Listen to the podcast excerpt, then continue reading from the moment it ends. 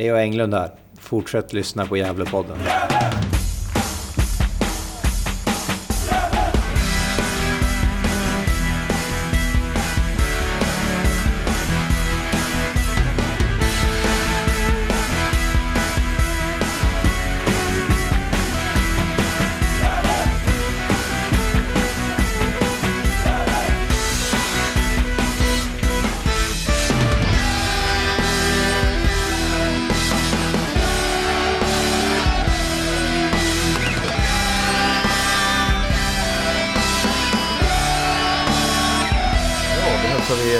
Välkomna till Gällepodden. En ny vecka och eh, eh, det blir en glad podd här igen tror jag, eller Johan? Ja, det är många glada poddar nu Ja, för tiden. precis. Eh, Det var mycket gnäll förr i tiden tycker jag. Nu har vi tappat det liksom, det här gnälliga pratet om Gävle IF. ja, Det men är svårt alltså, att hålla uppe det. Ja, jag, men jag, jag genomled ju det väldigt eh, svåra året 2019 tillsammans med Andreas Ström jag också. Så att, eh, ja, man har varit van att gnälla på något vis. Men, eh, ja, men det är skönt nu. Nu, nu liksom är det ju otroligt trevligt att vara Gävle-supporter. Mm. Får njuta av eh, varje match och eh, varje stund.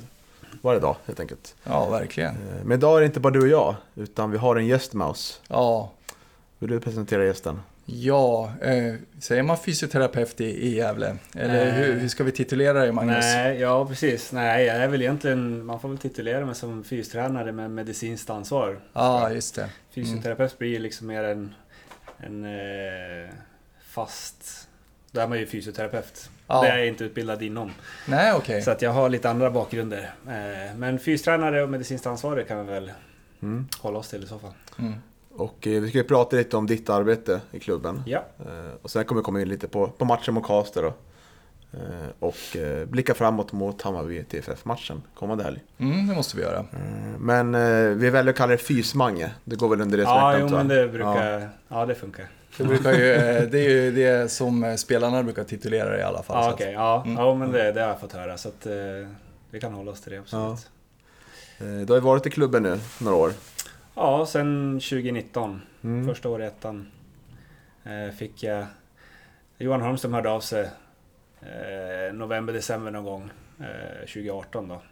Och undrade om jag ville ta över efter honom. Mm. Så att då hoppade jag på det då. Ja, fascinerande. Du har varit med fyra år ganska, med det här året då. Ganska händelserika år har det varit.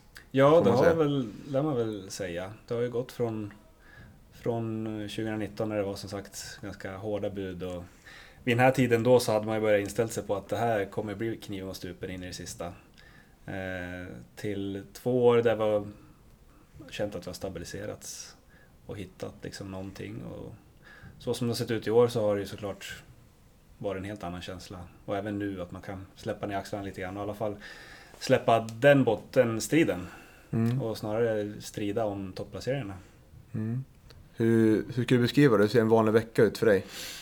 Eh, vanlig vecka för mig, om vi spelar lördag som vi anser kanske är det vanligaste då, så är ju måndagspasset eh, återhämtning, rehab. Så då har jag ganska stor del, första delen, 35-40 minuter. Med så gott som hela truppen, förutom några enstaka som lite beroende på hur de känner sig. Men vi har några som alltid kör eget. Ja, antingen bara i gymmet eller ute och lunka lite grann, cykla lite grann. Eh, men eh, första 35-40 alltid lite boll men rehab och lugnt och fint. Och sen så går ju de som har spelat mindre in i lite mera överbelastningsfas. Eh, de som har suttit på bänken, de som har kommit in, de som inte var med i truppen belastas lite extra för att komma ikapp lite grann i, i belastning. Eh, och där styr ju, då är ju såklart Sören och Micke med också, men då är jag också en del i det så att säga. Tisdagsträningarna, en vanlig tisdag, så då är det alltid någon form av fys där jag har ett, eh, ett fyspass egentligen. I kombinerat med fotboll. Och sen eh, är jag tillbaka på fredag igen, en vanlig vecka. Och har förberedelseträning inför match då. Eh, och det är själva träningen. Sen är det såklart före, före träning och efter träning. Behandling, tejpning, ja sådana saker. Mm. Och så alla matcher då. Och det är samma sak där, förberedelser inför uppvärmningen eller aktiveringen. Och sen om det skulle vara några medicinska akuta saker under match så, så är det det jag tar hand om i första hand. Och även aktivering av avbytarna under match. framförallt i andra halvlek. Eh, Vi, spelar på olika planer i den här serien. Mm. Eh, Konstgräs men även en del naturgräs på, eh, på staden är väl. Och i, Ja. i Örebro också va? Ena Örebro forward i alla fall va? Ja, precis. Mm, Sollentuna spelar på Sollentuna, naturgräs ja. också. Mm. Märker du någon skillnad på spelarnas eh, status efter att man har bytt underlag sådär vecka efter Eh, vecka? ja, det kan vara att det känns lite grann. Det kan vara allt från lite vrister till vader till ljumskar. Det, det kan vara att det känns, det är någonting. Men det är inte, vi har ju inte haft någonting akut, att det har blivit någonting på grund av naturgräs. Utan vi hanterar det väldigt bra.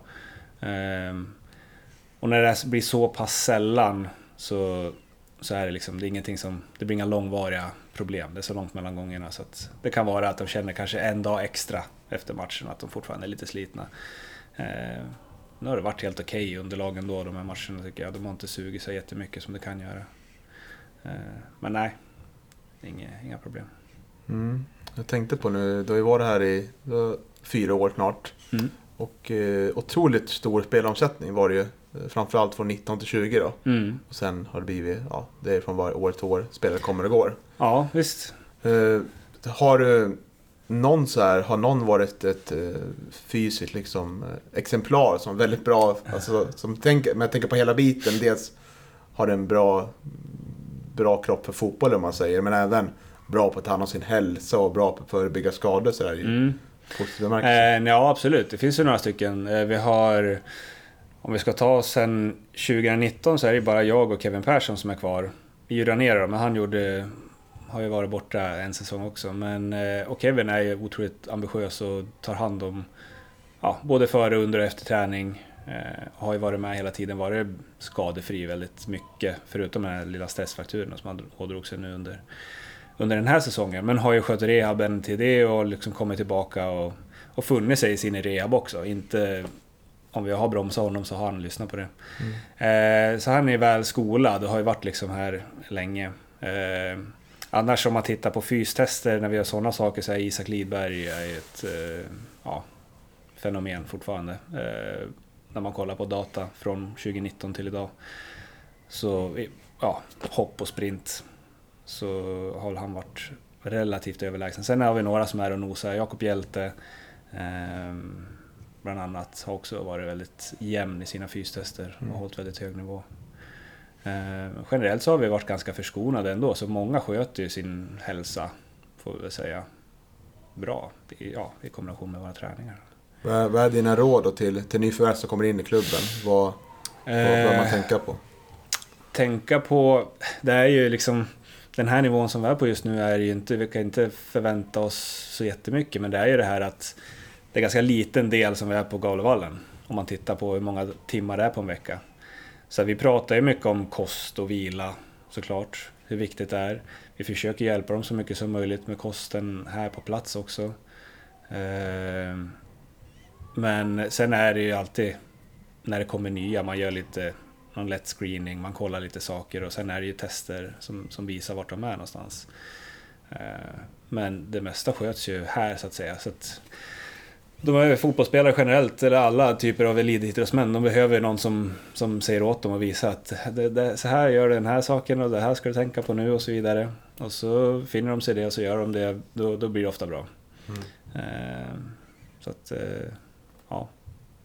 Jag tänkte på det också, om man tänker på, på andra sidan myntet då. Jag tänker på en, en spelare som eh, Nisse Eriksson då, som har varit väldigt mycket skadad. Eh, jobbar du eh, även, jag kan ju tänka mig, jag menar du har ju hand om rehaben naturligtvis, men är, är det Mm. mycket också liksom att eh, motivera honom och sådär eller? Ja, ja, men Nisse är ju också sån som, som har skött sin... Han har ju funnits i det, sitt lilla helvete eh, sen han kom hit egentligen med den knäskadan som blev väldigt komplicerad. Eh, och med operation och återhämtning och så vidare. Så det är klart att det är en mental del eh, där. Men han har ju också kommit hit och varit väldigt positiv och glad och trivs. Så det är väl liksom en eloge till, till gruppen också. Att det är, det är ingen som hamnar utanför bara för att man inte är med i truppen eller spelar truppen. Utan alla är delaktiga i truppen. Eh, just med Nisse så har vi haft eh, fördelen att han eh, har flickvän som är naprapat och jobbar med Giffarna Sundsvall tidigare, nu med Brommapojkarnas damer. Oda. Så att hon är också här och hjälper till ibland och ja, någon som jag kan rådfråga och bolla med. Och sen har ju såklart hon hjälpt Nisse väldigt mycket med, med den eh, rehaben, både före och efter operation och så vidare. Så det gäller att använda de kontakterna man har och, och utnyttja det. Så att det inte blir något prestige att det här är mitt rum och här är det bara jag som bestämmer. Utan jag tar in den hjälp som, som finns och när det behövs. Det har ju varit en säsong med otroligt få skador, Mm. tänker jag. Mm. Eh, och det var ju lite mer eh, förra året. Eh, Mm. Och kanske 2020. Vad, vad beror det på, tror du? Eh, ja, jag vet att 2019 då hade vi nästan... Jag kan inte minnas, jag vet att vi pratade om det. Vi hade väldigt få skador då som var liksom muskelskador eller överbelastningsskador. Men där gick vi in också med, eller jag i alla fall, när jag tog, började då att prio ett är att ha spelarna på plan så mycket som möjligt. Eh, vi hade en ganska, eller väldigt ung trupp, eh, ganska tunn trupp. Eh, både i antal och även kvalitetsmässigt på så vis att det, att det var ganska många unga oprövade spelare. Så där såg vi till att vara hela framförallt. Det vi har kunnat gjort med under åren det är ju att öka intensiteten. Och trycker man upp ribban lite grann, då är det klart, då kommer man lite närmare den där gränsen för vad kroppen klarar av. Och någon gång kanske det kan, ja det är ju olyckligt, men någon gång kan det bli så att vi kanske får någon som har en överbelastad baksida och så smäller det en sån vid något tillfälle. Eh, vi har haft granat, Isak hade också lite problem. Eh, då får man ju ta den smällen när den kommer och se till att följa de protokoll som finns för återhämtning. Eh, men nu i år så har vi kunnat fortsätta trycka, liksom ta nästa steg i den fysiska belastningen men behållit truppen hel. Och det tror jag att det är ju liksom en progression från, om man säger 2019 när det var mycket liksom bara hålla alla fräscha. Sen har vi liksom kunnat belasta mer och mer och mer. Sen har vi en ganska senior trupp i år också som har varit med och legat på en hög belastning under flera år. Eh, så det är ju också en, eh, faktor såklart, att man, man har några säsonger i ryggen, man har några försäsonger i ryggsäcken och, och så vidare. Eh, så det är ju saken till, eller ja, det är ju saken bättre också såklart. Hur vet man var gränsen går då? Hur långt kan man pusha spelarna sådär? Eh, ja, det är ju det som är lite fingertoppskänsla såklart. Eh, men vi har pushat dem ganska hårt i år och liksom, det har varit några gånger när jag har känt, som våra tisdagspass till exempel, där jag har styrketräning. Vi är i gym och både på plan och det kan vara allt från slädsprintar till tunga hopp och explosiva moment och sen ska vi in i spel. Och där kan man ju känna ibland att ah, nu fan, gick vi på bra hårt i gymmet och nu ska vi köra liksom 6 mot 6 i ja, x antal matcher. Och det var det några gånger när man liksom ah, stått och haft hjärtat lite grann i halsgropen. Men det tror jag det är lite grann som behövs också för att liksom pusha, komma till nästa nivå. Liksom. Mm. Så det är ju, ja, delvis, jag vill inte säga Ja, tur. Till viss del handlar det om att hålla sig på rätt sida. Men sen är det såklart erfarenhet och, och kompetens eh, till viss del också som gör att vi, vi håller oss på rätt sida. Mm. Så det är väl en kombination däremellan. Mm. Jag tänkte på det här med erfarenhet också. Jag tänkte på, på Tim och Tim Markström då, som eh, jag var ganska orolig under försäsongen i alla fall och i början av, av säsongen för han, han gick och linkade här i, Ja. i korridoren här nere med, med knäna och så. Vet det. Eh, hur, hur har ni jobbat? Har, man kanske släppt på någonting där eller kände, man, kände ni att man kört för hårt? Eller? Eh, nej, Tim har ju haft lite grann det där knäproblemet och det är någonting som vi har adresserat på så vis att vi, vi har ju en läkare också som har varit med och eh, hjälpt till där. Och till, lite grann beroende på vart man är i sin karriär så kan man ju jobba med olika typer av metoder. Eh, injektioner kan ju vara en, eh, ett sätt att eh, dämpa smärta och så vidare. Kanske ingenting man, man egentligen vill använda i tidig ålder. Men Tim är väl där att vi känner att här handlar det om att, att släcka bränderna lite grann. Och, så han har ju gått på sprutor vid tillfällen. Eh, avlasta, som måndagar till exempel så är det cykel och lite eh, rehab i gymmet. Eh, i perioder så tejpa eh, om det behövs. Och eh, ja, sen i- i hans fall så, så hjälper det en del med lite behandling och sådär också.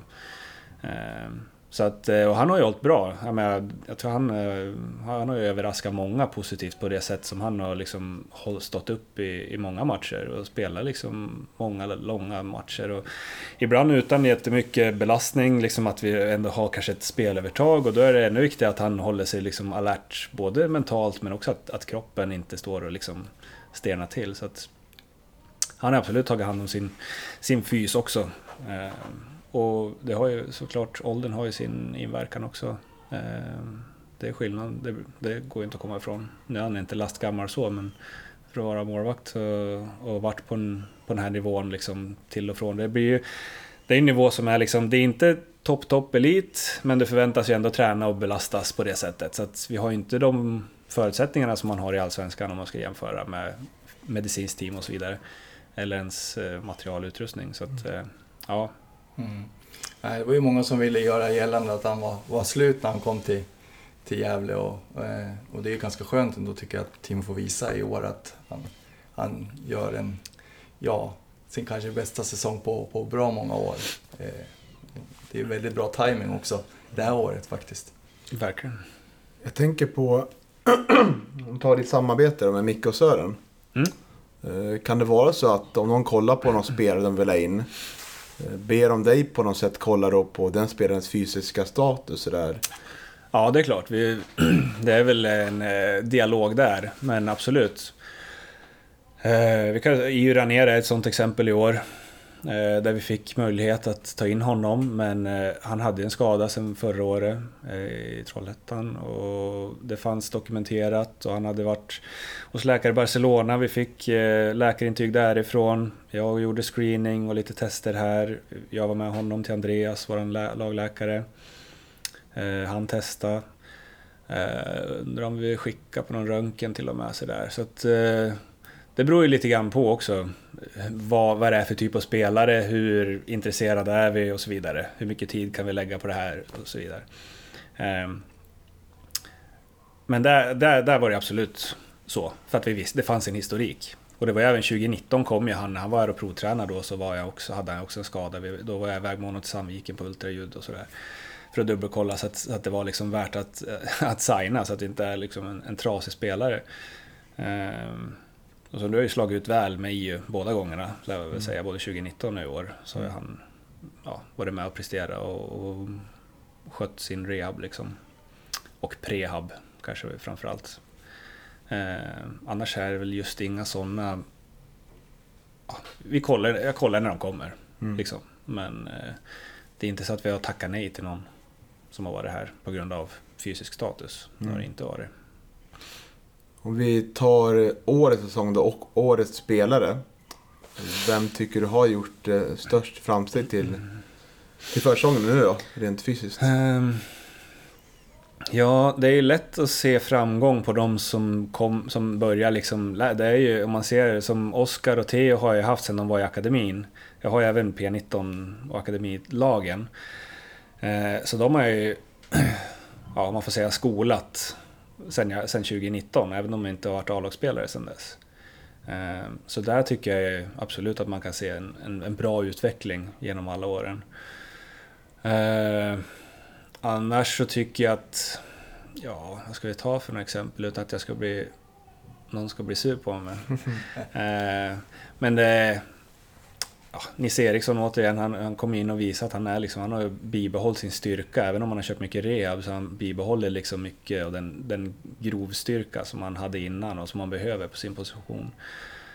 Eh, jag tycker Pontus Jonsson visar med både sin explosivitet och power men även styrka i duellspel och sådär. Att han, han, han, kan stå upp i år på ett sätt som, som blir väldigt viktigt på den positionen när man kommer ner kanske och ska länka ett spel. Att kommer någon i ryggen så gäller det att kunna liksom bryta tillbaka och hålla upp. Mm. Uh, så jag, jag, tycker det finns många exempel sen, ja, sen 2020 och kanske om man tittar tillbaka och, mm. och fram till nu så, så har vi många som har, som har gjort väldigt mycket väldigt bra. Uh, och även tagit till sig den typ av träning vi har som sådana som kommer utifrån. Och, eh, Sundsvallsligan då när de kom 2020. Och, eh, ja. ja, Jag tänkte på det. eh, Jobbar någonting individuellt med olika sätt att... eh, eh, Ja, om, man, om vi pratar försäsong. Mm. Jag tänker för att eh, eh, olika spelare har olika liksom, färdigheter och, och styrkor och så. Jag tänker, du nämnde Pontus som, som eh, har sin snabbhet och, Mm. Och, och det här drivet och, och, och Oskar Lundin då, som kanske är, Mm. ja, gör det här lite hårdare, Andra skitigare. Ja, andra Mm. färdigheter Mm. liksom. Jobbar ni på olika vis för olika spelare? Eh, det, det hade man ju önskat att man hade kunnat gjort. Eh, tyvärr så är väl tid och liksom resurser en faktor som, som inte riktigt tillåter att det blir väldigt så här enskilt specifikt så. Eh, som helhet så handlar det väldigt, liksom, det finns ju ändå vissa delar som alla behöver vara. Eh, liksom bygga styrka i. Och det mycket, vi jobbar väldigt mycket liksom stående i allt vi gör. Stående press och drag och rotation. Vi ligger aldrig på någon bänk och pressar eller i någon maskin och roterar. Utan allting sker ju stående för det är så vi liksom är på planen. Och där tycker jag att vi ser ofta liksom i om Leo Englund också, en, även om han har varit ett fysexemplar, ja, förmodligen sedan tonåren, utan att veta säkert. Men eh, rent okulärt så ser han såklart ut som en, ja, en väldigt stark person. Men han har också, tycker jag, utvecklat sin styrka på så vis att han, han är ännu bråkigare och, och ha att stöka med som, som back i år. Han, han kan verkligen ha någon i ryggen och brotta ner och få ner bollen. Eh, så att eh, det handlar väldigt mycket om det att, eh, att få ihop det liksom inifrån och ut. Det finns liksom en grundstyrka som man klarar av att hantera sina motståndare. Sen kommer ju power, explosivitet i andra hand så att säga. Och det är ju någonting som olika personer utvecklar olika snabbt eh, såklart. Men alla kör ju ja, sprintar, alla kör ju liksom press och drag och de här sakerna i gymmet. Sen, kan man sen är det ju liksom när det kommer till rehab, när det är skador, då blir det såklart mera individuellt. Att man tittar på vilka övningar passar för det här och det här. Men som lag så blir det ofta att vi är tvungna att köra i princip samma program. Det kan vara lite annorlunda kanske under ett uppehåll när jag gör program. Att det här, du kan köra lite mer av det här för att vi, om vi har någon lite mindre som behöver lägga på sig muskelmassa, ja, men då kan du köra någon vecka till i den här fasen. Medan någon som är färdig rent liksom, muskelmassamässigt kan gå direkt in i en annan fas tidigare så att säga. Så att det är väl i så fall ja, december, januari någonstans som man kan se kanske att det spretar lite grann. Sen försöker vi samla ihop det och köra ganska gemensamt. Jag tänker på din roll under matcherna. Mm. Du är ju den som, som du sa själv, ja, ser till så att avbytarna blir redo liksom, fysiskt komma in. Men jag är lite nyfiken, vad, vad pratar ni om under bänken där under matcherna? Du och avbytarna och, och också några andra över där också. Ja. Eh, vi, ja, ja, det blir väl mycket. Man sitter och noterar det som behöver noteras såklart. Och Vi i ledarstaben sitter på vårat hörn och spelarna på sitt hörn. Sen är det väl dags att plocka upp spelarna så, så pratar jag med dem under aktiveringen. Eh, vad som ska göras och vad som förväntas av dem. Och är det så att vi vet att något byte är klart, att det här ska göras. Då handlar det om att titta på paddan och kolla fasta och, och se till att liksom förbereda sig mentalt på, på den roll som man ska gå in och ta. Eh, annars är det mycket... Alla är väldigt delaktiga i det som händer på planen. Allt från att skälla på domaren till att positivt eh, förstärka medspelare och så Mm. vidare. Eh, Är det svårt att hålla sig kall på, på sidan av? Jag, jag kan prata från egen erfarenhet. Jag skulle, jag skulle nog bli uppvisad på läktaren ganska, ganska snabbt under en match Ja. faktiskt. Ja, ja absolut. Det, jag har också känt att jag varit på väg dit någon gång. Eh, Det finns nog så, några sådana exempel, jag kommer inte ihåg något på rak hand nu. Jag kommer ihåg att jag hade lite dåligt samvete när Ciuciu blev utvisad Ja, mot jag tänkte Karlstad. säga det jag också. Eh, för då, då kan jag ha uttryckt någonting och sen förstärkte Ciuciu det och så var det han som åkte på det. Mm. Eh, ja, det har varit några, några sådana tillbud där man har känt att nu kanske jag är på väg. Men eh, nej, det, vi har väl hållit oss på rätt sida eh, samtliga. Men du fick gult kort då va? Eller klarade du det Eh, då? nej, då tror jag inte att jag... Jag tror jag... Undrar om jag... Var det inte, var det inte BK Forward borta 2019 som du fick gult kort va? 20, ja, det var länge sedan. Ja, jag har för mig det ett år. Jaha, ja det Ja, kanske det är är den så. är det? omtalade matchen när, när, när kameran Ja. stod emellan Ja, avbytarbåsen. precis. Och jag kommer ihåg matchen. Jag kommer Det- inte ihåg faktiskt. match. Det kan jag ha. Ja, det, den var ingen rolig att åka hemifrån. Eh, jag minns faktiskt inte om jag fick ett då.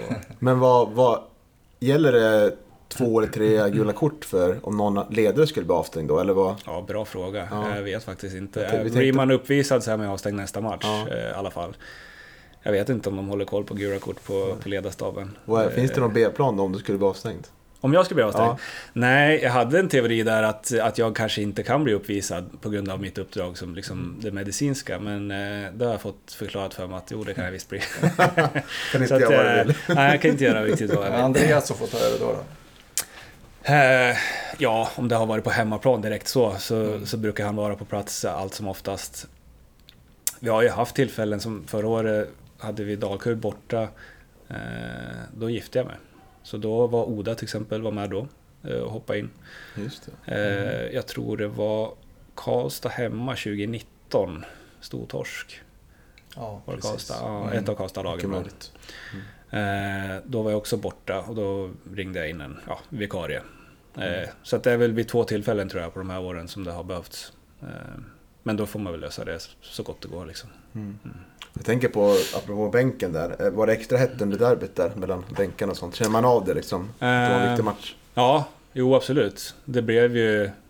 Det blev både mellan, ja, mellan bänkarna men även liksom utåt och man blir, alla blir väl uppumpad liksom när det är som när...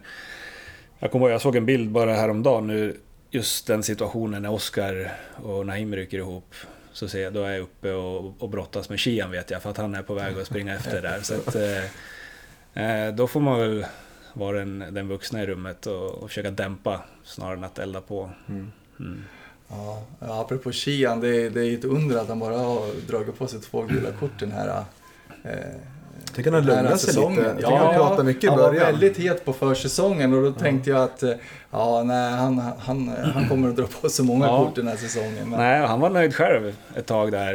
Eh, det blev ju så att det var något kort som försvann också. Man, jag tror är tio matcher liksom varningsfri så drar de tillbaka ett kort. Jaha. Eh, det tror jag både han och Asken har faktiskt lyckats utnyttja. Och Inte Oskar Lundin. Nej, han hinner inte hålla sig tio matcher först det är dags för nästa. Tyvärr. Ja, ja, men, ja spännande. Eh, Du har ju en liten connection till hela podden får man säga. Förutom att du var med för, eh, för två år sedan. Ja, Och då pratade du med Hugo Ådvall. ja, Och det är connection, tycker ja, ja. jag. Eh, Han är ju lite nyfiken hur det gick på GIF-golfen. Jaså? Ja. Okej. Ja. Eh, jag, personligen så var jag ganska nöjd. Ja. Kan väl lämna det där tror Ta jag. det där. Ja.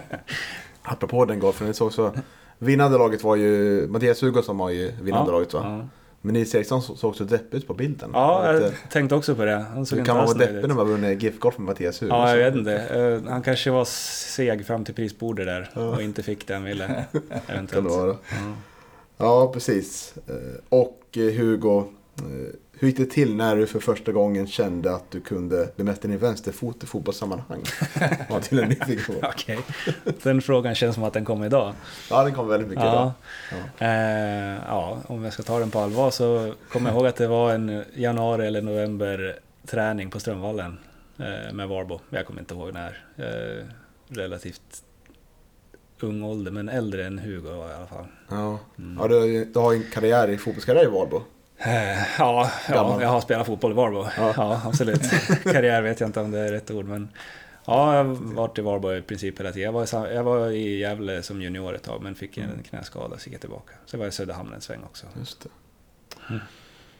Men om vi ska, innan vi byter fokus då lite. Mm. Om peppar heppar, era liv skulle gå upp i Superettan. Mm. Vad skulle du önska att det blir, blir bättre kring det, den medicinska rollen och Eh, rehabrollen? så? Ja, Ja, det är väl någonting som vi har börjat prata om. Oavsett hur, vart vi landar så vill vi liksom ta steg framåt. Eh, nu är det ingen av oss som riktigt vet, ja, eh, ingen av oss som har kontrakt över, över den här säsongen på ledarstaben. Men vi har sagt att oavsett hur man väljer att göra i föreningen så tycker vi att eh, man behöver utveckla vissa saker och eh, det medicinska teamet är ett av det. Mm. Och det som var tidigare eh, när Johan var här under Allsvenskan och Superettan så var Johan var ju fystränare och sen hade man ju en fysioterapeut eh, som var olika genom åren. Eh, så att det är ju det i så fall. Den roll jag har idag är ju någonting som, som man i vanliga fall är två. Sen har jag, när det kommer till fysträning så är det ju, ja, där har jag väl den, den ja, både erfarenhet och utbildning som, som räcker gott och väl även i Superettan och Allsvenskan så att säga.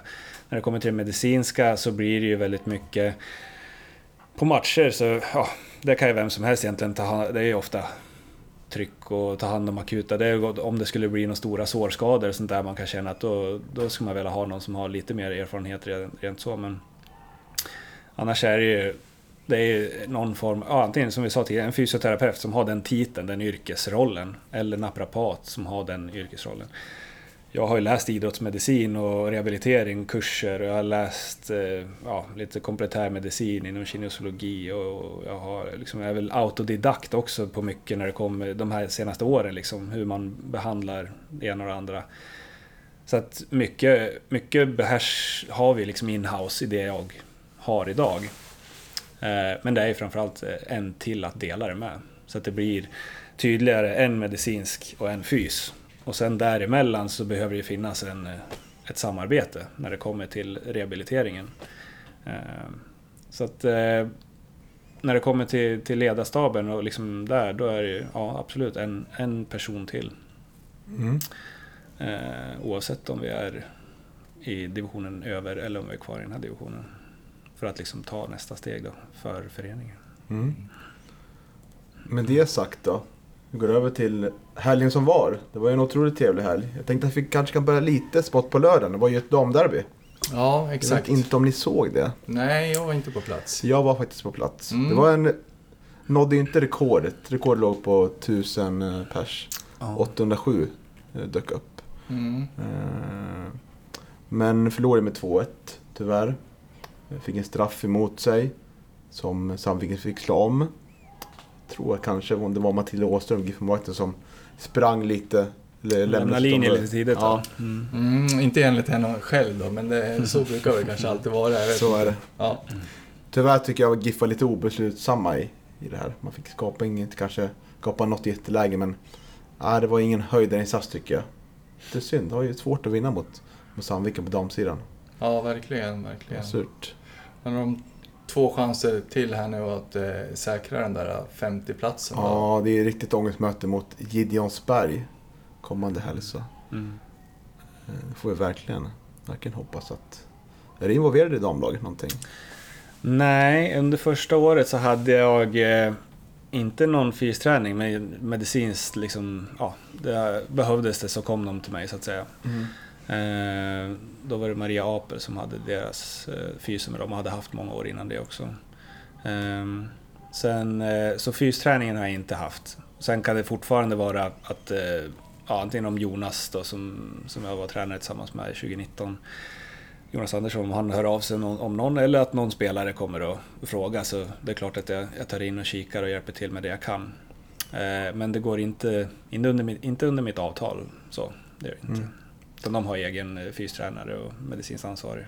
Just Vi eh, går över till söndagens match då. Eh, Karlstad hemma, 3-1 slutade. Varför vann vi den här matchen? Ställer jag mig raka upp en fråga.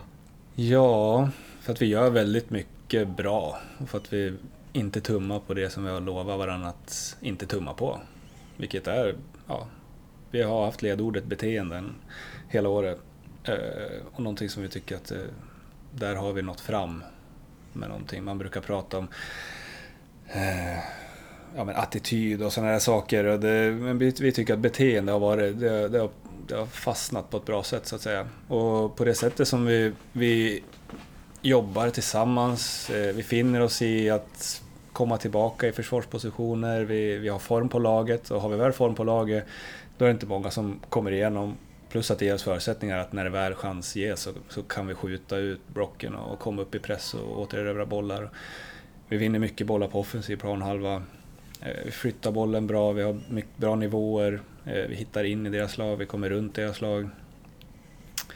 Så vi, hade, vi ställde den frågan lite grann idag när vi hade möte innan träningen. Att vad gjorde vi dåligt den här matchen? Och det var, det var svårt för många att komma på någonting. Mm. Det var liksom kanske någon enstaka period, det kan vara ja, målet liksom. Det är klart man vill hålla nolla, men det är också en sån... Ja, det är klart att de kommer in, får in bollen och den tå liksom. Det är väldigt små marginaler. Så man Shit kan inte, happens, Ja, liksom. det är lite Ja. grann så. så att vi gör väldigt mycket bra under hela matchen egentligen. Och det känns aldrig som att det är... Det är klart man finns viss frustration och oro när vi skapar och skapar och skapar tydliga, fina målchanser och har liksom... Ja, vi ska ju spräcka nollan i första halvlek rent statistiskt. Mm, Mattias Karlsson där i Karlstadsmål, han eh, Ja. såg ut att kunna bli ett litet Ja, spöke där. ja, absolut. Jag, tänk, jag satt och tänkte det också där, de här 30 minuterna. Ja, nu gör ju Karlstad mål där efter, Mm. efter en halvtimme, men de första 30 där, eh, det, är- det kanske är det kanske är Gävles bästa den här säsongen alltså. För Mm. att det, det skapade så otroligt många fina chanser att göra mål. Och, Ja. och det är precis som du säger, man, eh, det är väl det som är styrkan i år också. Man hamnar i underläge men, men man eh, hittar de här vägarna ändå, liksom att, eh, att vända. Och, eh, jag sa det till dig Niklas här innan vi började spela in att eh, jag var aldrig riktigt orolig liksom, utan att jag tänkte att det, ja, men det här ordnar de. De skapar så otroligt mycket Mm. lägen så att det, de kommer spräcka den där nollan och de kommer att vinna. Så att, Ja, jag, jag tycker nu när det har gått så här 13 raka segern, 14 utan förlust, att eh, det är ett så pass stort självförtroende. Vårt spel går snabbt och det spelar ingen roll om, om Karlstad eller andra lag backar hem. Vi hittar ju nycklar och, och löser upp det ändå. Liksom. Och Mm. det är så otroligt imponerande tycker jag i alla skeder. Och man hittar in med passningar i precis i rätt ytor som kommer när vi satt eh, 2020 så var man så frustrerad. Varför, varför går ingen in i ytan där liksom? Varför, varför ingen där? För nu, nu är alla spelare precis där de ska vara. Och, eh, Mm. det är så många spelare som är så imponerade över den här, det här året. Och, eh, vi kommer komma in på det sen men eh, matchen till stjärnor med Anton Jakob. Vilken match han gör. Han är ju Mm han är överallt. Både där framme men framförallt defensivt. Han är ju enorm i återgivningspressen. Ja, absolut. Eh, nej, han är ju många som tänker att han är liksom en väldigt stark offensiv spelare, vilket han är såklart. Men han har också, han är väldigt disciplinerad och förstår taktiskt sin roll. Och, eh, och sig i den när man behöver finnas i den. Eh, han är liksom ingen, inte en sån som man kanske har, bild, vissa har bilden av honom att han Eh, att han bara tänker offensivt och att han bara liksom, att han kommer sticka i press så fort han får chansen. Utan nej, det, han har han har hamnat väldigt rätt i våran grupp på så vis att han ja, funnit sig i vårt spel och, och det sättet vi spelar på. Och, och även om man inte såklart har startat liksom, man tänker, det är ju också en sån sak, kommer det någon från Allsvenskan och tänker man att det ska in i startelva, men det, det har inte varit helt säkert. Eh, och det, det har han också funnits i liksom. Och när han väl har kommit in så ja, har jag avgjort matcher från, från bänken också. Så att, eh, Mm. Ja, förutom målet ja, som, är, som jag tycker också är briljant, just att vet du, ha, en, ha den där tanken att, att man ska dra den där på en gång. Liksom. Det, Ja, det är ett det är- otroligt snyggt mål. Det, ja, koordinativt de flesta tar ju emot klass. den eh, i det där läget, men han vänder bara om och, och liksom eh, skjuter den. Det, det, det är jättefint, jättefint mål, Mm. verkligen. Och fin tanke. Och, eh, ja, när jag ändå fortsätter berömma honom. Eh, jag, det, den här situationen precis innan han blev utbytt också i, i andra halvlek när han, han, han tappar bollen högt upp i, i, Mm. i, på, eh, utanför Karlstads straffområde och sen jagar han Karlstad-spelaren hela vägen, ja, 40 meter ner på egen planhalva, glidtacklar och, och Mm. ser till att det inte blir en omställning utan att ja, just det där hårda arbetet Mm. eh, är jag imponerad av. Jag verkar ju verkligen lärt känna, du känner honom bättre än oss, men det verkar vara en otroligt eh, eh, spelare som styrs mycket av, av mål. Inte bara mål jag gör på plan utan så att eh, jag har mål, och som han säger själv, jag kan ta upp Gävle IF i Superettan. Liksom. Det kanske han säger bara för att det låter väl kanske bra att säga det, men det verkar ju som att han verkligen drivs av det och, eh, Mm. Att, och även att man accepterar sin roll i laget. Han är naturligtvis en anfallare i första hand, men jag kan, han säger att jag kan spela mittfältare och han kommer in i boxen ändå. Mm. Mm. Ja, absolut. Men en fin säsong i Assyriska förra året. eh, Fick chansen i Sirius i år. Det märks ju att det är en spelare som, som vet vad han vill lite grann också. Att, eh, att kanske inte eh, Assyriska är definitivt inte liksom slutdestinationen och, och vet du, det, inte Gävle, inte Sirius heller utan, utan det är någon som, som, som vill så högt som möjligt och det, det syns nog lite i, i honom. Jag vet inte om det är kanske är någonting som märks också. Eh, Ja, nej men absolut. Det finns ett, ett driv där eh, och en hunger och att vilja liksom vinna och utvecklas. Eh, Sen är det som sagt, han, han ju under uppehållet så att det, eh, det är svårt att, även mig som, som träffar honom så pass mycket, att liksom veta exakt hur långt han är villig att gå när det kommer till, till allt som krävs. För det, det, det är mycket som ska offras för att spela på liksom den allra högsta elitnivån. Så är det. Så där tror jag många i våra, liksom, när man är på den här nivån som vi är just nu, kan bli liksom, ja, man vill gärna ta nästa steg. Men när man vill att liksom offra det som, som behöver offras. Här, på den här nivån så kan man fortfarande ha lite grann av både och. Både det privata och sociala och fotbollen. Eh, Men någonting kanske måste plockas bort förr eller senare. Och, och där, då är det svårt att veta vilka som är villiga att ta det förrän man är där, så att säga. mm. Det känns ju lite som att eh, vi har haft spelare som har ja, kanske har tvekat på lite. Jag tänker på Sebastian Sandlund berättade ju öppet om att Mm. han visste inte om han skulle fortsätta med fotboll. Nu blev det så att han lämnar liksom. Och det kan såklart påverka prestationen liksom när man är, är i en klubben så att man kanske inte vill där 110% ut och sådär. Även Fast Sebbe Sandlund är ju lagkapten av rang och sådär. Men, eh, Absolut. Fin insats, men ni förstår vad jag menar liksom. Absolut. Att, Ja. Jo, och nu kanske, är, nu kanske det är spelare som, som vill där Mm. 110%. Mm. Mm. Ja, så det, det tycker jag att det är en otroligt fin, fint lag i år. Eh, Ja, men vi gör ju ett 1 där. Eh, straff. Mm. Eh, ja, kanske, kanske inte. Vad känner ni? Ja, nej, jag, pratade med Pontus efteråt. Jag, har varit med och spelat lite grann nu inför matcherna. Eh, två träningar i rad har jag hävdat att jag skulle ha straff. Mm. Eh, så jag vill mena att eh, Pontus har lärt sig något av mig när det kommer till att falla i straffområdet. Ja. Men nej, den, är- ja, jag kan hålla med att den är tveksam.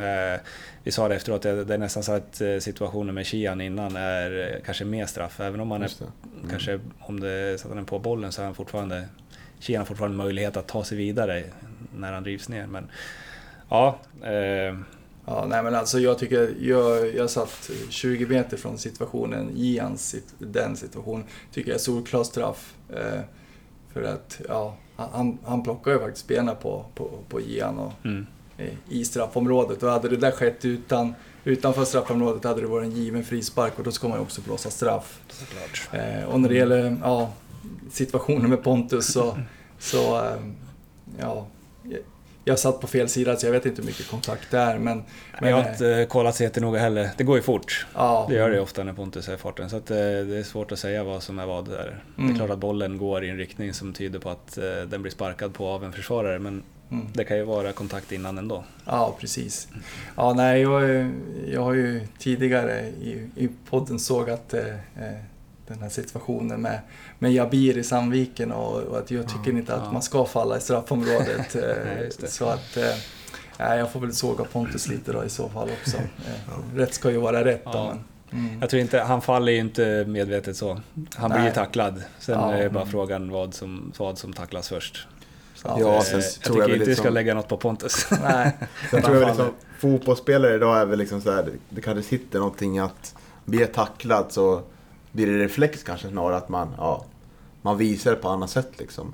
Ger sig fördel och jag, i, i den bästa världen ska inte det liksom ske liksom. Men mm. vi lever ju i en, i en värld där det Det är väldigt vanligt att man liksom kanske väljer att man märker att jag är på väg att ta ett avslut, jag kommer inte få loss det här avslutet, så jag täcker bollen, för backen är på väg. Mm. Och sätter man då fram foten för att täcka bollen, ja, om det är medvetet för att söka straffen eller om det är för att gömma bollen. Det, ja, det är ju bara personen som, som gör det som, som vet. Men eh, det är klart att det, det, finns, det är lättare att ta den kontakten i straffområdet. Mm. Kanske. Det, det betalar ju mer, så är det bara. Och det är som du säger, det, det går fort den situationen och eh, backen är väl kanske lite klumpig också som går med... Går in, han går ju faktiskt in med båda benen i situationen så att... Eh, ja. Och samtidigt också att domaren är bättre placerad än vad jag är och, och ser det mycket bättre än vad vi gör från kameravinklarna också. Så att ja, det kanske är kontakt, jag vet inte. Mm. Vi får, får ställa den till Pontus någon gång. Ja, vi får göra det. Ja, det är det. Eh, Det blir i alla fall 1-1. Fin straff av Englund som vanligt. Ja. Otroligt stabil från 11 meter. Eh, Och eh, sen blir det 2-1 ganska snabbt igen. Vi har ju några fina sådana här ryck den här säsongen där vi liksom får in 1-1. Sen, sen kommer ledningsmålet ganska, ganska snart igen. Och vi har berömt eh, Jakob för den fina, fina målet redan. Mm. Och, eh, Berömma Pontus också för att det är han som eh, faktiskt eh, nickar den till, till Jakob mm, han är inblandad i alla tre mål för Ja. arbetet. Är det.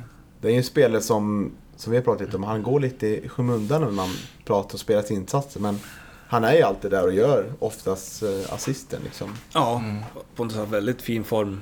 Framförallt nu under höst, höstsäsongen. Så Mm. Både fysiskt men framförallt sportsligt. Och hur han tar sin roll liksom också. På ett, och lärt sig väldigt mycket de här, ja, sen han kom hit. Hur han ska spela och när han ska spela. När han ska utnyttja sina styrkor och, och när han ska ja, komma ner och ge support och försvara och så vidare. Så att, Jag t- tänkte på det häromdagen. Att det känns som han har nog kanske gynnats mest av att spela lite snabbare fotboll nu. Än vad vi gjorde föregående år. Ja, Mm. för då kändes det som att han blev väldigt... Han blev mycket felvänd och, Absolut. eh, Mm. och kom inte med, med fart med bollen. Liksom. Så här, nu, nu känns det ju som att han blir livsfarlig varje gång han får bollen. Mm. Det är ju märkligt att han har gått lite under radarn den här säsongen ändå. Ja. Det, I och för sig kan det kan ju vara bra för att, att motståndaren inte får upp ögonen på honom på samma vis. Men han är ju hela lagets assistkung nu liksom. Så att, eh, det säger väl en hel del om att eh, Pontus har en jättebra säsong. Mm. Vi intervjuade ju Pontus eh, förra året en del. Mm. Efter några förluster. Han är ju, det är väl den spelaren som blir otroligt mest... Eh, man ser på att han tar det hårt liksom. Ja, han är väldigt hård mot sig själv också. Ja. Mm. Ja, det stämmer. ja. Känner du, är det en annorlunda Pontus i år? Eh, ja, eh, inte för att jag har reflekterat över jättemycket, men när du säger det så är det nog en, eh, det är en, en spelare som är mer i harmoni eh, med sig själv och eh, sitt spel. Och det är väl lätt såklart när laget är i den harmonin också. Det Mm. smittar ju av sig såklart, men eh, ja, nej, oh, absolut. Eh, han eh, lämnar sällan en träning eller en match eh, på, med liksom dålig attityd eller besvikelse. Mm. Så kan det absolut vara. Mm. Och eh, ja, så kommer till det målet. En ko- omställning där Oskar Lundin vinner bollen. Ut till Pontus som skickar in till Elias och får skicka in den upp en kasse. Otroligt fin boll av eh, Ja. Oskar Lundin där eh, i djupled till, till Pontus. Det, det, det, den är riktigt, riktigt fin. Och det, är, det är ju den, den djupledsbollen egentligen, det är ju en fin löpning naturligtvis av Pontus också, men, men, men utan den passningen så... Så, så nej, det, det är ett jättefint pass av Oskar tycker jag. Mm. Vi hamnar ju jätterätt i pressspelet den här matchen. Eh, rakt igenom. Vi vinner ju mycket boll där och eh, det känns som motståndaren liksom tror att inte riktigt är med på det från massstart. Liksom. Jag tycker det var eh, samma föregående matcher också. Att vi vinner mycket boll och skapar mycket lägen därifrån. Och, eh, ja, det är otroligt fint att se liksom, att vi, vi lyckas pressa på. Men det, det är väl ett lag i självförtroendes främsta liksom, egenskap. Ja, absolut. Det och sen gör vi väldigt mycket liksom det är, det är mycket utanför, förberedelser och det är allt från eh, scouting av motståndare och liksom eh, som gör att vi känner oss trygga i hur vi ska spela och vet vi att de kommer, ser de ut ungefär så här, då gör vi så här. Och vi pratar mycket om att det är viktigt att ha våra positioner, sen är det inte lika viktigt vilka som är på vilka positioner. Och det är också någonting som vi har hittat väldigt rätt i år. Att, eh, oavsett om vi har lite positionsbyten så har vi rätt positioner. Eh, oavsett, så att, eh, det, det håller jag med om. Det har varit så väldigt bra ut, speciellt nu senast. Det är absolut en av våra bästa prestationer. Både offensivt och defensivt. Ja, jag tycker man såg lite positionsbyten där i första halvlek när Antonio gick lite ut på kanten och eh, Pontus kom in lite med mitten där i olika stunder. Så jag tycker det var intressant att se. Mm. Sen är det ju så också att det finns en helt, det är en helt annan bänk i år också jämfört med, med, med tidigare år också. Man, det finns spelare på, på bänken som inte startar matchen som ändå kan komma in och, och, och förändra en matchbild. Och när det står och väger så, så finns det spelare på bänken som, som eh, Micke och Sören kan byta in som, som kan komma in och, och hjälpa till att avgöra, avgöra en match och, eller vända en match. Och, eh, så det, det är också en, en styrka i år tycker jag. Ja, där kan man väl återkoppla lite grann som jag tidigare, just det med att vi har varit så pass skadefria. Vi har ju liksom, det är ju bara Jakob Hjälte med sin hälsena som inte är uttagningsbar egentligen i, i dagsläget. Och så har det varit de senaste ja, två, tre omgångarna i alla fall. Eh, så att eh, det är ju ett, ett angenämt problem när det kommer till, och till att börja med att ta ut truppen. Eh, för det är, vi, vi, får, vi får inte plats med alla, eh, hur gärna vi än vill. Och alla är i god form. Det, vi, vi har en diskussion om det också, att det är sällan... Det är svårt att peta någon i truppen för att de har dålig form eller gör dåliga träningar. Utan det handlar ofta om att hur många behöver vi på den här positionen och vilka är det vi har med och så vidare. Ehm, så att eh, mittbackssituationen är ju sån nu för tillfället. När vi Mm. spelar med fyrbackslinje så har vi inte råd att ha med oss fem mittbackar i en trupp. Liksom. Ehm, Nu fick ju Kevin stå över mot Piteå och William stod över nu sist och det har egentligen ingenting att göra med deras prestationer på träningar eller matcher utan vi kan inte ha... Vi kan inte fylla upp med mittbackar på bänken helt enkelt. Så det är en diskussion vi har fått tag i där också med dem att, eh, ja, som de får finna sig i. Mm. Ja, det är, det är otroligt angenäm situation såklart för alla i klubben. Eh, Som Ian Sene kommer in här också efter minuter i andra halvlek och gör en riktigt fin prestation också. Så, så ja, det är Ja, jag håller med. fascinerande. Mm. Båda gott inför framtiden, ser jag. Absolut. Eh, Men det slogs ett nytt rekord med den här matchen. Vet ni vilket det var? Eh, något internt för föreningen Mm. eller? Inte för föreningen. Alltså ja, då är det väl kanske segrar då. Nej, det var inte det jag tänkte på. Nej. Det är antal poäng som LIF tagit i en serie någonsin. Mm. Okej. Det här är historien nu. Ja. Eh, Det som tidigare var, det var året 2004. När Gävle IF vann, eller kom vi två i Superettan tror jag efter Häcken. Mm. Eh, Då togs det, jag tror det var eh, 58 poäng tror jag. Och nu har vi då 59 poäng. Ja. Så nu har vi skapat historia. ja, det ser. Mm. Längsta vinstsviten också i ettan norra någonsin. Ja, precis. Och ettan övrigt är det Sylvia som har va? Mm, Ja. Så kan det kanske vara ja. Det kom lite ny statistik där på Ja, jag såg det också. Ja. Att det, var, det var BP som hade det Ja. på första svängen som kom ut. Och sen nu såg jag Sylvia hade... Har de spelat i södra då, då eller? Ja, det måste vara det skillnad på... Ja. Mm. tror att man kollade upp via Transfermarkt och gick tillbaka och lynkade om sen den här, den här typen av ettan kom till. Mm, mm. Så det är inte historiskt för tredje serien överlag tror jag. Nej, Nej. nej, precis. Men eh, väldigt imponerande ändå naturligtvis. Ja. Ja, det är, inte, det är inte många gånger man har varit med om något sånt. Nej. Även... Sked, skedde Om inte har- Valbo. Nej, nej, det ska jag inte svära på. Vi jag lyckades vinna division 4 och 3 Men jag, jag tror inte vi hade några sådana här streaks. Det Nej. tror jag inte. Ja, ska vi eh, plussa för några spelare då? Det ska vi göra. Vi har ju, vi utser ju matchens stjärnor, tre stycken. Det blir ju väldigt svårt. Ja, det det blir går väldigt så här svårt. bra att pricka ut några men eh, vi får väl se. Magnus får vi lite kommentarer på. Vi börjar ursäkta oss redan här Niklas. Jag vet. Jag vet. Ja. Stå på er. Ja, ja. eh, en stjärna har vi valt, Pontus Jonsson. Han är otroligt bra, ja. eller? Ja, exa- ja, exakt. Det är som vi sa tidigare. Eh, låg ju bakom alla tre målen så att eh, är ganska given, givet att han ska vara med bland de tre som vi ger stjärnor, tycker jag. Ja, och det är ju ett mittfält nu som är ganska givet match efter match också. Det känns som det är svårt att ta någon plats där i mittfältet. Eh, Jag Ja. kommer ihåg för några matcher sedan, där pratade mycket om att ja, vi, eh, vi byter lag. Vi, ställer upp med det lag som vi tror passar, passar bäst för motståndarna. Något sånt. Eh, nu känns det som att det, det kanske är borta lite. Kanske, kanske vi ställer upp med det laget som är bäst.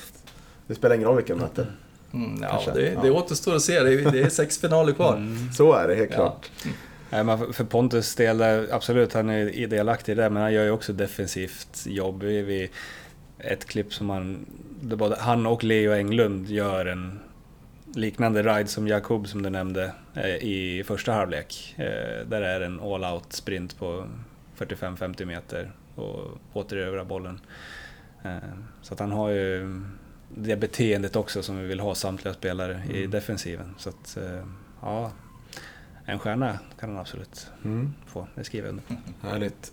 Eh, Leo Englund, två stjärnor. Ja, tvåmålsskytt. Ja, Ja, och otroligt eh, duktig i djupledsspelet som tagelspelare och allt möjligt. Ja, precis. Det är ju, har ju en fot med i det mesta i anfallsväg och hade ju kunnat gjort fler mål den här matchen också. Är ju jättenära på, på hörna tror jag i första halvleken där att göra mål. Så att, eh, eh, ja, och jag menar Leo är ju, han gör ju det han eh, är värvad till Gävle för att göra liksom. Och nu, nu har han gjort 18 mål och eh, som mest i sin karriär har han gjort 19. Och nu är det sex matcher kvar den här säsongen så att, eh, vi får väl hoppas att Leo får slå det där rekordet. Det tror jag han gör, utan Mm. att jinxa någonting. Precis. Han gjorde mycket mål i Skellefteå, men det var ju en annan... Jag tror det var en lägre ner. Tvåan eller trean. Ja, Eller 28 där under. Så. Men i den här serien absolut. Ja, Så, jo precis. På god väg. Och eh, tre stjärnor. Är eniga. Antonio Jakob. Så vart det den här gången. Mm. Mm. Otroligt eh, komplett spelare alltså. Den här matchen var bra både offensivt och defensivt. Det är, Ja, vi har ju öst så Ja. mycket superlativ över honom redan men, men, men som sagt, ja. jag kommer ihåg den här glidtacklingen han gjorde för några, några, några veckor sedan. Liksom, att då tänkte man oj, det här kanske var en tillfällighet men det kommer ju vecka efter vecka och eh, ja, eh, det tycker jag är otroligt fin insats. Ja, fint mål och, och härlig attityd och liksom just att som forward eller som, som ändå anfallsspelare då, eh, även tar det där tråkiga, skitiga defensiva jobbet tycker jag imponerar. Mm. Och vi har ju några bubblare såklart som bör nämnas. Oskar Lundin. Alla bör nämnas tycker jag. Ja, det är, jo, det, är, det är en sån match faktiskt. Ja, så är det. Mm. Även Aspgren tycker jag är en bra insats på högerkanten. Ja, verkligen. Io Ranera. Eh, Ja, Ja, han, ja, har han tre lä- superlägen att göra mål. Han unnade ju verkligen Ranera att, mm. att göra ett mål, men han hade inte...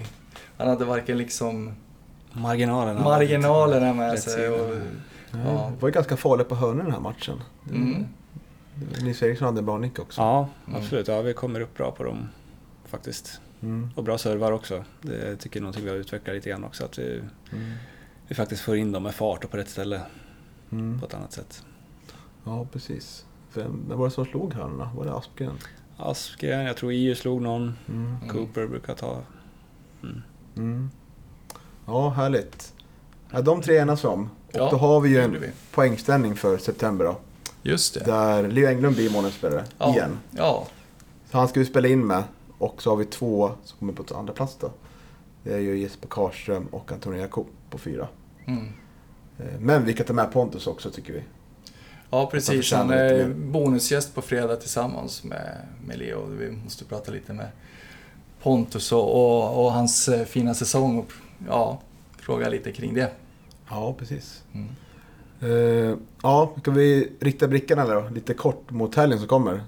Ja. Hammarby TFF eh, spelar på Södermalm i Stockholm. Kanalplan. Mm. Mm. Exakt. Eh, vi har ju klarat oss nu med avstängningar. Vi har ju tre spel som ligger lite risigt till. Oskar Lundin, kanske inte så större, stor förvåning. Nej. Nej. Eh, och så Iranera och Sene då. Ja. Men ingen, ingen drog på sig kort där utan det, det var ju bara en spelare som drog på sig kort. Och det var... Jag kommer inte ihåg nu. Men det var ingen som låg i, i riskzonen i alla fall. Ja, det var Eliasson som drog på sig kort. Ja, just det. Ja, just det brukar han också vara ganska duktig Ja, på. det Mm, Ja. Hur ser eh, lagets förberedelser ut då i veckan? Är det något speciellt? Eh, nej, det som är speciellt är att veckan, eftersom vi spelar söndag, lördag, så blir ju träningsveckan, vi var lediga igår. Mm. Och tisdag som idag då blir ju våran dag efter match-pass. Så annars då är vårat högintensiva. Så att eh, vi plockar bort det passet egentligen då. Så det blir inget, inget riktigt högbelastande. Torsdagspasset blir lite medelintensivt. Eh, och på fredag så är det ju ren matchförberedelse. Eh, både torsdag och fredag går vi igenom motståndarna. Offensiv ena dagen Mm. och defensiv andra dagen. Eh, men intensiteten på träningarna är ja, som sagt medelintensivt torsdag och ganska lågintensivt fredag. Så att, nej, det är väl business as usual. De får, de är, vi har mat så de äter torsdag, fredag. Eh, Det är en sån sak som vi har gjort också som vi tycker att det ger oss lite grann kanske marginal gentemot, eh, vi vet inte hur de gör i andra lag men vi sa så när vi, vad kan vi göra för att liksom, liksom komma lite längre? Vi har truppen vi har, vi har spelet, vi har allt sånt på plats. Vad kan vi göra för att pusha lite till? Så vi har eh, tisdagar då har vi liksom lite extra dryck åt dem, eh, sportdryck under träningen och torsdag, fredag så har de matlådor som de tar här nere och direkt efter träningen för att få liksom energin så fort som möjligt. Vad är det för typ av mirakelmat då, som har gjort att den här har blivit som blivit? ja, precis. Jag tror, skulle vi fråga spelarna så är det inte så mycket till mirakelmat, men det, den innehåller det den behöver innehålla helt enkelt. Eh, och det finns lådor som de... En del har lite svårt att äta direkt efter träningen, men många äter här nere direkt efter träningen och sen är det några som tar med sig hem. Men då kan vi i alla fall kvalitetssäkra den biten, som är en otroligt stor del också i att eh, dels att vi går bra, men också att vi håller oss hela, att vi har liksom energi att spela så här pass bra som vi gör in under hösten. Jag tänker på både efter matchen och gång efter match då, som vi hade, hade idag, Mm. och eh, matchsnack innan. Är, är det samma typ av spelare som, som ger, kommer, kommer in och pratar sådär eller? Ja. Martin får- Rauschenberg, ska tänka mig. Ja, Martin och Leo eh, är väl stående. Eh, Oskar Lundin och Tim brukar vara med och sen så får vi dela ut frågorna. Mm. Så att vi, vi, vi, vi punktar åt några stycken också så att Mm. vi ser till att få så bred bild som möjligt. Spännande. Men vi har varit väldigt, det är väldigt stor samsyn ofta. Eh, när vi sitter i våra möten innan och pratar om det här tycker vi att vi borde prata om, men vi lämnar alltid ordet till spelarna först. Men där, det blir ofta bara att våra, våran syn förstärks. Mm. Så att, eh, Är det stormöten då kan man säga? ja, vi har, ja, ja, det blir ju nere i, i mediarummet. Så att vi, vi både tittar på bilder och, och ja, diskuterar matchen och ja, våra, våra målsättning helt enkelt. Ja, ja, men då vet vi hur laget eh, förbereder sig den här veckan och vet du, hur de äter och sådär. Kärrikläktaren då, hur Ja. förbereder ni er inför, inför helgen? Då? Äter ni något speciellt eller? Det är väl sjunga i duschen och... Ja, ja. Ja, ja. Nej men just det, det är ju... Jag tänkte Sker, säga sker det. resa dit. Ja, Bra Johan. Mm. Eh, kolla in på karlsläkten.se så kan man anmäla sig. Eh, och eh, vi åker ungefär, vi åker väl 12 in. Mm. Lite platser kvar på bussen. Ja det är det, så Mm. snabbt in och eh, häng med när Gävle IF skapar historia. Och, Mm. eh, Häftigt att berätta för barnbarnen när man var med om den här säsongen. Det är redan historia liksom. Ja, Oavsett hur det går. Ja, absolut. Det borde fler hoppa på. Absolut. Det går ju som sagt 12.00 från Hamntorget. Kostar 350 för medlemmar och 450. Då får man ju medlemskap om man inte är medlem då. Mm. Och resa. Precis, och så får vi hoppas att det blir ännu fler nu då än vad det var i, i den här matchen mot eh, Haninge som Mm. ändå var en, en 50-60 stycken på läktaren va? Ja, precis. Ja, Mm. betydligt trevligare, trevligare läktare nu och eh, arena tycker jag. Ja, ja, det, är Ja, väl det är ja. fint alltså. Svårt att älska eh, Haninges idrottsanläggning. Ja, den är ganska platt. Ja, Ja, det precis. Så, ja, jag hörde att spelarna hade klagade lite på underlaget där också. Så att, mm. mm. Ja, det var faktiskt en ganska... Ja, det kan jag skriva under på. ja. Det var Gammal. svår. Ja. Ja, vi får se hur det går. Vi sitter i en otroligt fin sits nu med, med 10 poäng ner till kvalplats och eh, med sex matcher kvar. Så det, Mm. det, jag hoppas att det håller i sig det här.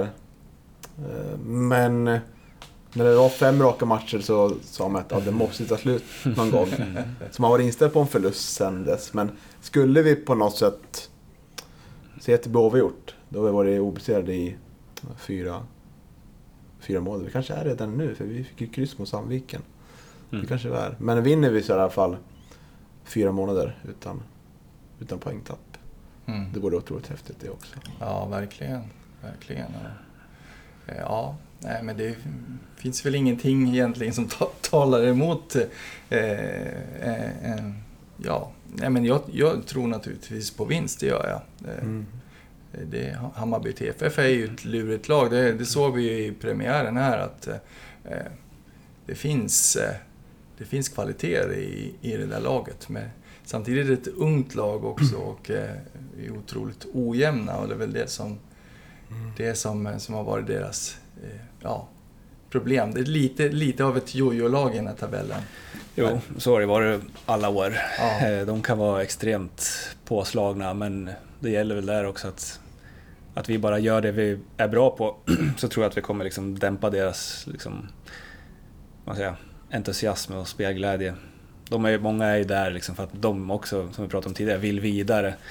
Eh, Det är inte så många i i det laget tror jag som, som är där för att man, man vill liksom, här ska jag spela resten av året eller resten av livet. Utan, eh, det är väl det som gör att de blir ett jojo-lag också. Att de är, Mm. Mm. Det är det som är lite speciella med, med Ettan Norra, det finns ju två sådana lag, för du har ju Silvia också liksom. Som, ja, exakt. som är, det, det är ju väldigt speciellt när ja, det egentligen är ett rent farmalag. Ja, exakt. Mm. Ja, och de har ju lite halvknackig form här ser jag. Förlorade mot eh, nämnda Sylvia förra matchen, 4-3. Mm. Mot Sandviken, 3-2. Mm. Och så vann man forward innan så det blir spännande att se. Ja, verkligen. Men det var grymt taggad i alla fall. Vi twittrade lite där med deras assisterande Magnus Österberg på, på Twitter. Där. Härlig karaktär. Ja, jo, ja, det är det. Verkligen. Han är, han är, han är frispråkig och Ja. Eh, sen, sen är det ju så också, alla de här, det är som vi säger, det är sex finaler kvar nu. Alla de här lagen som är kvar nu, alla vill ju eh, spräcka den där eh, eh, trenden som, som Gävle är i och liksom vara, stoppa det där segertåget och, som, som eh, han var inne på, på på Twitter där, att, att de, de stoppar gärna det här segertåget. Och så kommer det ju vara nu.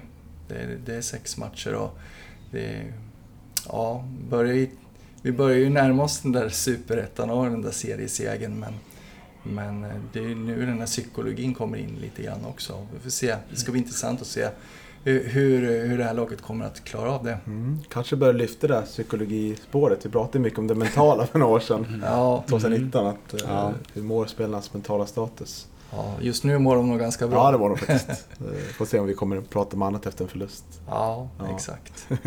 Var förhoppningsvis inte.